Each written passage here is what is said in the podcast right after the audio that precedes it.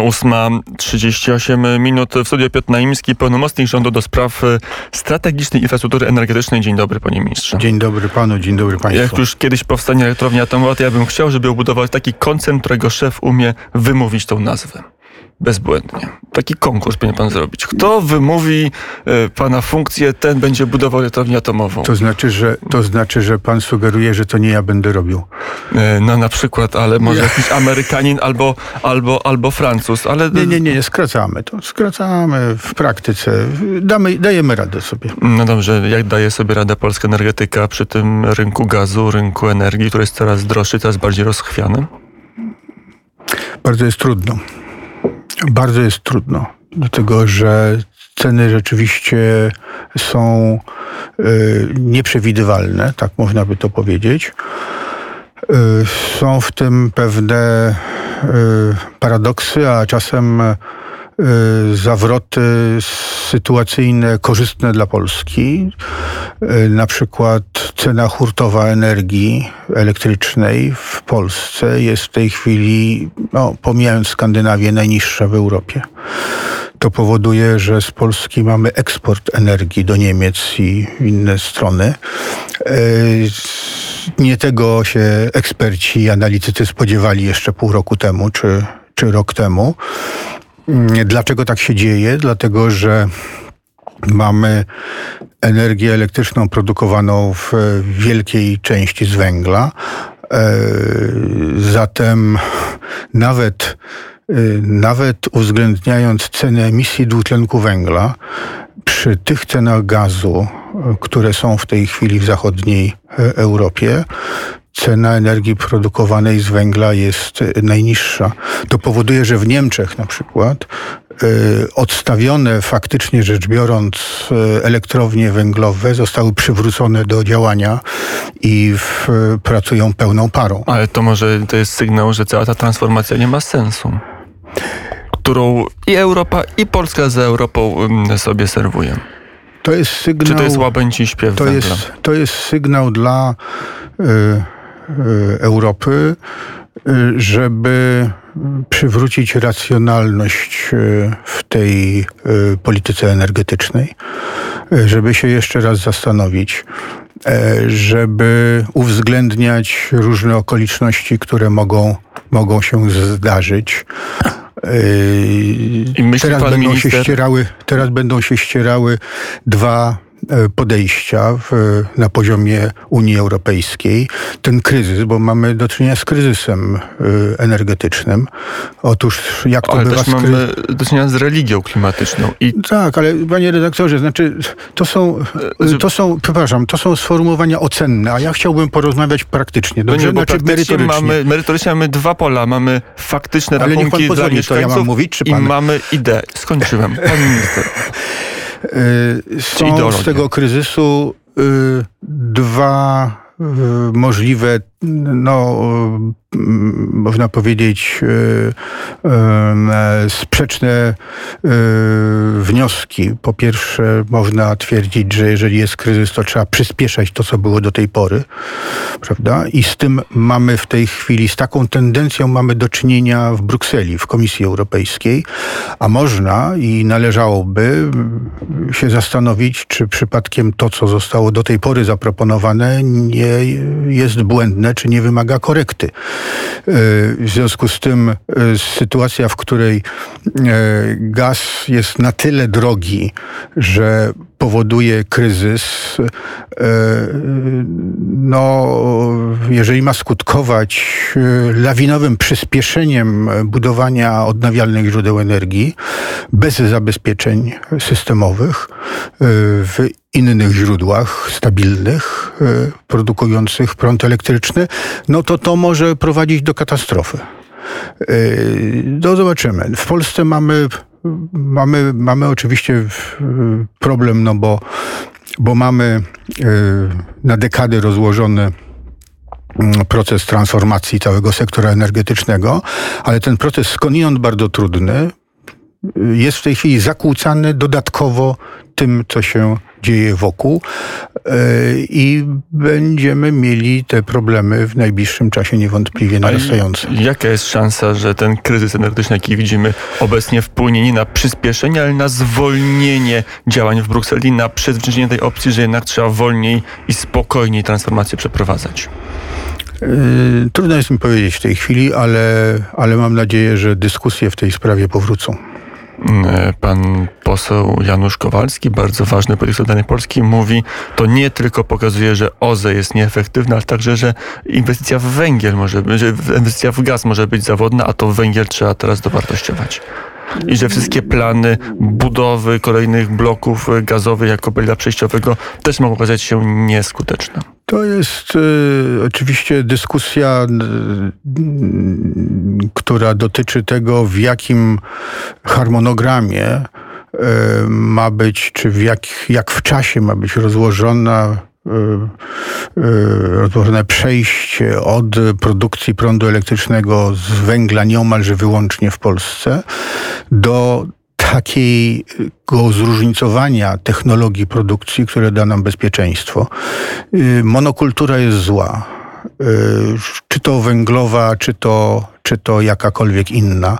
My powinniśmy w perspektywie tych lat 30, 20, 30, no bo tyle się mniej więcej daje przewidzieć, powinniśmy osiągnąć taki stan, że będziemy mieli energię produkowaną e, z różnego rodzaju elektrowni, z e, elektrowni gazowych, z elektrowni jądrowych, z odnawialnych źródeł, z tych wiatraków e, i fotowoltaiki. Bo czemu nie? Tylko, że w sposób bezpieczny. Także, także z gazu. Mm, no, cóż, ja tylko mogę powtarzać i staram się tak to prowadzić w zakresie, który ode mnie zależy, żeby to było racjonalne wszystko. A na ile jest pewne, że polskie bloki gazowe będą zasilane gazem innym niż rosyjskim? Na ile pan minister ma obliczone naszą produkcję, jeden, ewentualnie drugi gazoport Baltic Pipe, czy to wszystko będą e, źródła nierosyjskie? Zużywamy dzisiaj około 20 miliardów metrów sześciennych gazu w Polsce i w perspektywie no, 2030 roku, mniej więcej za 10 lat, będziemy go prawdopodobnie zużywali o połowę więcej. To będzie duży bardzo przyrost, będzie około 30 miliardów metrów sześciennych. I to, co budujemy jako gazociągi, nowe nowe punkty, y, przez które można wprowadzić gaz do polskiego systemu, czyli Baltic Pipe, ten gazociąg z Norwegii, rozbudowujemy y, gazoport w Świnoujściu, y, zbudujemy do 30 roku na pewno pływający gazoport w Gdańsku. Te interkonektory, które są w tej chwili budowane, będą oddane w przyszłym roku. To wszystko razem pozwoli sprowadzić do Polski, nie licząc wejść, które istnieją ze wschodu, wystarczającą ilość gazu. I to jest y, warstwa która jest warstwą techniczną. To są możliwości sprowadzenia gazu w różny sposób, od różnych dostawców, z różnych źródeł, z różnymi kontraktami. Czyli w roku 30 Polska będzie mogła zaimportować nie z Rosji 30 milionów, miliardów metrów. Oczywiście, że tak. Oczywiście, że tak. To jest, to, to jest, to jest. Czyli nie ma niebezpieczeństwa, nie że ma polska transformacja będzie musiała się oprzeć o Nord Stream 1 nie ma, i 2. Nie ma niebezpieczeństwa. Jest, jest tak, że mm, e, będzie PGNiG, no bo to prawdopodobnie będzie nadal PGNiG. Nie będzie fuzji z Orlenem? PGNiG, mówię o PGNiG-u jako o zespole ludzi, którzy zajmują się handlem hurtowym gazem. E, otóż e, e, PGNiG będzie odpowiedzialny, tak jak dzisiaj jest, za stronę kontraktową, za kontrakty. I te kontrakty będą mogły być naprawdę różne i mogą być dobierane w ten sposób, żeby to było najbardziej też i cenowo korzystne nie ma co rozstrzygać i prowadzić akademickich dyskusji dzisiaj na, to, na temat tego, skąd oni to będą wtedy kupowali. Czy może będą z Nigerii, czy może ze Stanów Zjednoczonych, czy może z Kataru, czy może, czy może w większości z Norwegii. To się, to się okaże. Natomiast możliwości techniczne będą y, takie, że ta dywersyfikacja, o której mówimy od 30 lat, źródeł i kierunków dostaw gazu będzie zapewniona. Mm, to jeszcze, żeby zamknąć temat gazowy, były wątpliwości. Jerzy Kwieciński, kiedy był szefem pgnig mówił, że dlaczego nie kupować od Rosji po 2022 roku. Pan minister ma jednoznaczne od lat stanowisko, od lat 4-5. Po roku 2022 ani jednego kawałka, ani jednego dymku gazu z Rosji nie wpuścimy. Tak będzie. Inaczej, e, to jest tak, że po 22 roku kończy się, czy w przyszłym roku, lepiej tak powiedzieć, kończy się długoletni kontrakt y, na dostawy z Gazpromem. I to jest około 10 miliardów metrów sześciennych gazu. On nie będzie przedłużany. E, zbudowany i oddany do użytku Baltic Pipe e, w przyszłym roku zapewni e, równoważną ilość gazu możliwą do sprowadzenia z Polski. Dzisiejsze wydarzenia w Europie, one potwierdzają, że kontrakty z rosyjskimi dostawcami są kontraktami niebezpiecznymi. Są niebezpiecznymi, bo podlegają politycznym manipulacjom. Dlatego, że to, co się dzieje w tej chwili z cenami gazu w Europie, jest wynikiem politycznej manipulacji i działanie Rosji i tego, że chociażby magazyny, które są przez Gazprom, chociażby w Niemczech dzierżawione, są puste, są napełnione w 10%. A polskie magazyny jak wyglądają? Są, polskie magazyny są pełne. I to jest e, sukces PGNiG-u.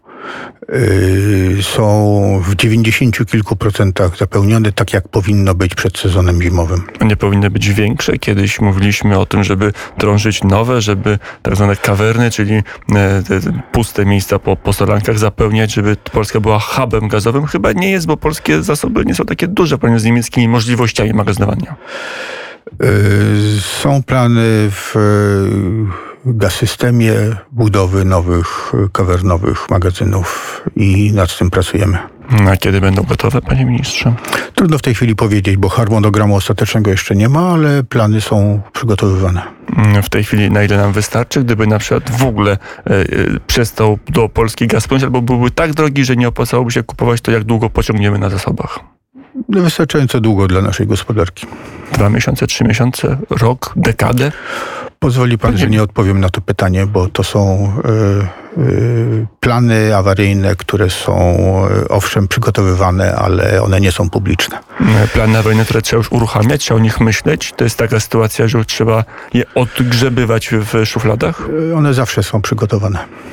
A teraz są jakoś bardziej studiowane, czy tak no, Panie redaktorze, pozwoli pan, że e, pozostawię to bez komentarza. Plany awaryjne na wypadek kryzysów energetycznych mamy przygotowane. Mm, Piotr Naimski w studium Poranka wnet. Węgiel zamykać, nie zamykać, odchodzić od tej magicznej daty rok 50, czy, czy jednak nie?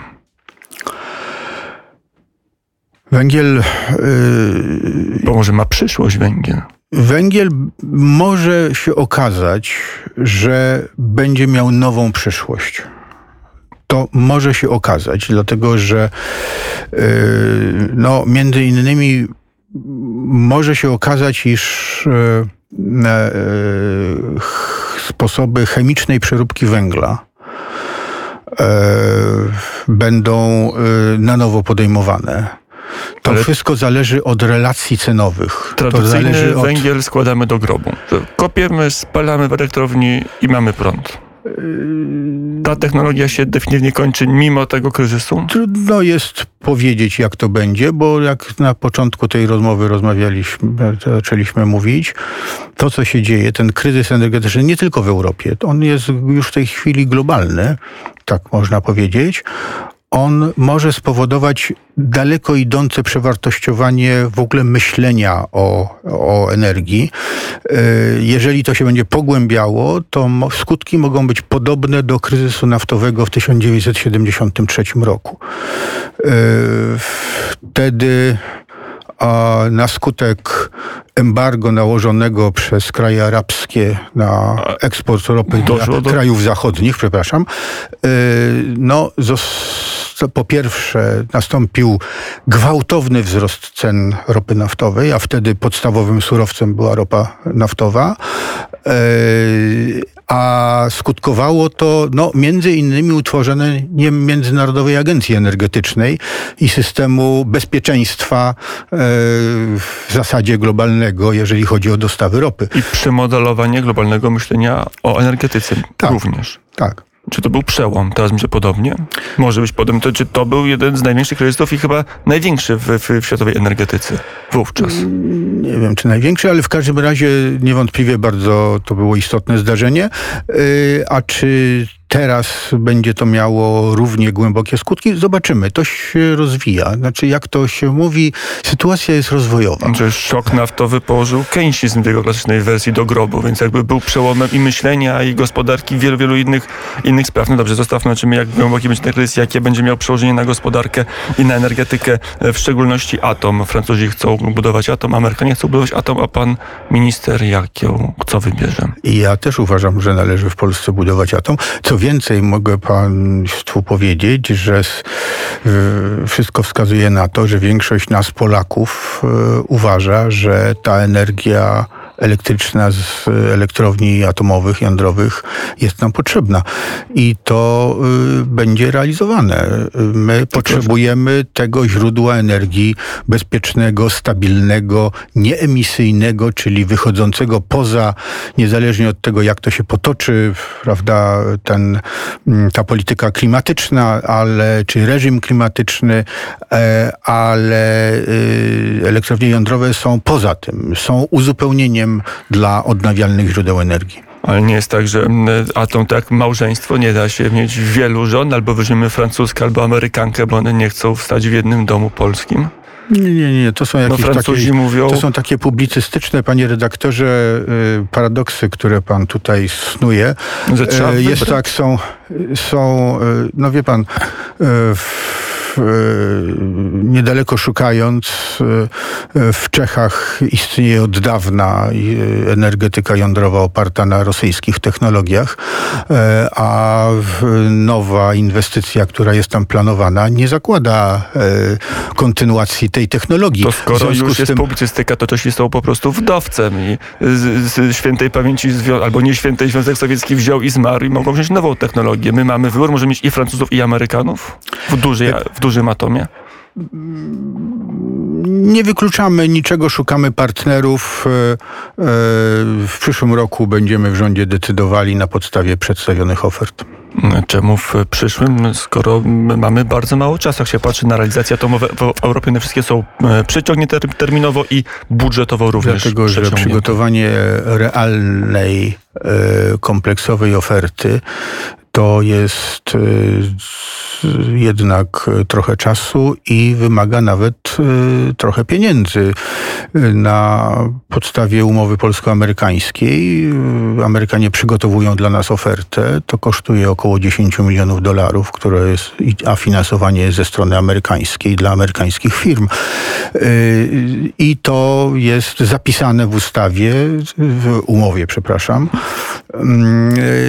że czas na to to jest Y, już biegnie ten czas, 18 miesięcy, y, zatem będzie to gotowe w przyszłym roku. Jeżeli inne oferty się w tym czasie pojawią, y, a ta francuska z dnia wczorajszego, to się pojawiła w mediach a wie pan co, yy, tak, ja mogę tylko tyle potwierdzić, że wstępna oferta EDF-u została dostarczona wczoraj, ale przepraszam bardzo, ale nie będę tego komentował 12 godzin później. Ale nie wiadomo, czy jest równorzędna, czy tak samo... Nie wiadomo. No dobrze, a to pytanie kierunkowe w ogóle, czy warto się pakować w wielką energetykę jądrową, skoro za chwilę będą małe reaktory? Są wątpliwości, to droga inwestycja, długa amortyzacja. A pan redaktor, rozumiem, jest już przekonany, co to znaczy za chwilę. Nie jestem przekonany, zadaję pytanie. Nie jest pan przekonany. Czy Dobra. Warto? Otóż. Yy, mówi się o 28, wszystko. 29. No, to się mówi różnie. Yy, yy, prace nad tymi technologiami są prowadzone w różnych miejscach. W tej chwili kilkadziesiąt jest proponowanych w całym świecie y, podobnych rozwiązań.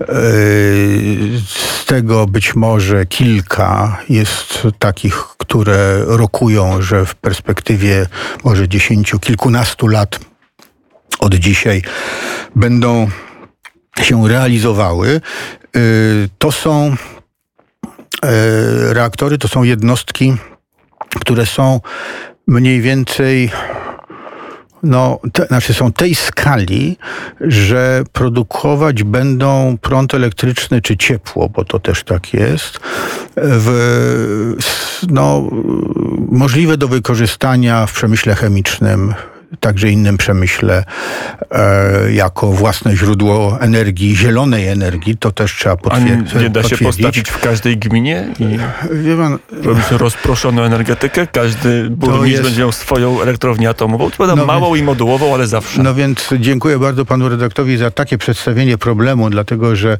e, rzeczywiście sytuacja, że w każdej gminie będzie reaktor jądrowy, to jest... E, ale tam nie ma fuzji podobnie. To jest w zasadzie, to jest w zasadzie e, argument za tym, że to jest po prostu niemożliwe. E, ale ja uważam, że SMR-y mają przyszłość. E, I tylko, że znowu trzeba do tego podchodzić bardzo racjonalnie. One mają przyszłość dla przemysłu, one mają przyszłość dla izolowanych obszarów, które nie są połączone z e, dużymi sieciami przesyłowymi elektroenergetycznymi, typu wyspy e, albo na przykład Alaska. A czyli w albo... Polsce, jak rozumiem, nie ma sensu. Dla takiej energetyki normalnej, konwencjonalnej u nas. Tak, dlatego w Polsce musimy to zrobić E, w kolejności, która jest racjonalna, to znaczy potrzebujemy tych 6-9 e, gigawatów, to jest dużo, 9 tysięcy megawatów, to jest tak jak, to jest tak jak 6-7 e, razy nowa elektrownia w Kozienicach na przykład, albo dwa razy Bełchatów obecny. Potrzebujemy tego w dużych reaktorach. E, bo gdybyśmy chcieli to zapewnić małymi, no to musimy ich mieć y, dwadzieścia kilka do trzydziestu postawionych właśnie w każdym województwie, a w niektórych po dwa.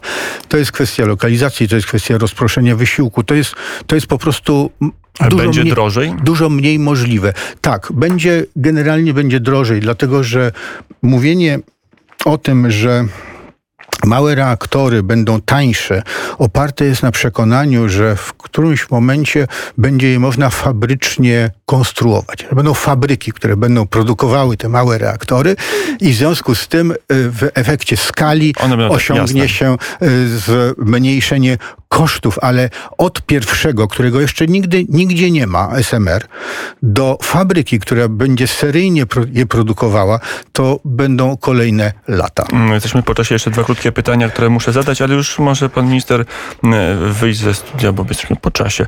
Mm, pan minister Michał Kurtyka, jak odejdzie z rządu, będzie strata dla pana ministra, strata dla Polski? Uważam, że Michał Kurtyka jest tak, znaczy uważam, że Michał Kurtyka jest bardzo dobrym E, e, ministrem. E, jest dobrym specjalistą w dziedzinie energii, w dziedzinach technicznych i to będzie strata, tak. Budowa Baltic Pipe, Pipe firma Strabak i pan Deripaska. Co wiąże te trzy słowa? Nic nie wiąże. Panie ministrze. I co pana Deripaskę wiąże z 10 czwartym 2010? Nie, no to jest, to jest oczywiście kwestia tego, kogo jako podwykonawcę e, przyjęła czy zakontraktowała firma Saipem, e, która jest e, wykonawcą Baltic Pipe na morzu, na, na, odcinku, na odcinku morskim. Chcę powiedzieć, że odcinek morski Baltic Pipe jest ukończony jest ukończony. W związku z tym po prostu tak się już stało, że e, gazociąg nasz e, na tym kawałku, czyli pomiędzy Danią i Polską jest już zbudowany. A nie dało się pana Deripaski wyłączyć z tej inwestycji? Przynajmniej to jest ten pan, który prawdopodobnie e, maczał palce przy katastrofie Tu-154. Tak. A nawet prawdopod bardzo prawdopodobnie. Tak, prawdopodobnie tak było. Strabak jest firmą europejską, która no, przez głównego wykonawcę została zakontraktowana. Yy, tak to się stało. Można po Polsce się przejechać i zobaczyć, że Strabag buduje nasze drogi, Strabag buduje nasze duże inwestycje. Strabag po czyli prostu tutaj jest i jest, i jest, i jest, y, y, jeżeli mówimy o kontekście biznesowym, to jest firma, no, która jest obecna w Europie całej. To nie jest kwestia, to nie jest kwestia Polski. To jest austriacka firma, w której udziały ma y, y, A wymiar- ma, ma A wymiar y, polityczny, inna firma, w której udziałowcem jest Deripaska. a polityczny wymiar moralny, etyczny, godnościowy, panie ministrze. To są problemy, które pozostają. E, Piotr Naimski, e, pełnomocnik rządu do spraw strategicznej inwestycji energetycznej był gościem poranka wnet. Dziękuję bardzo. Na godzinach, na zegarach godzina dziewiąta i cztery minuty, lekko spóźniony serwis.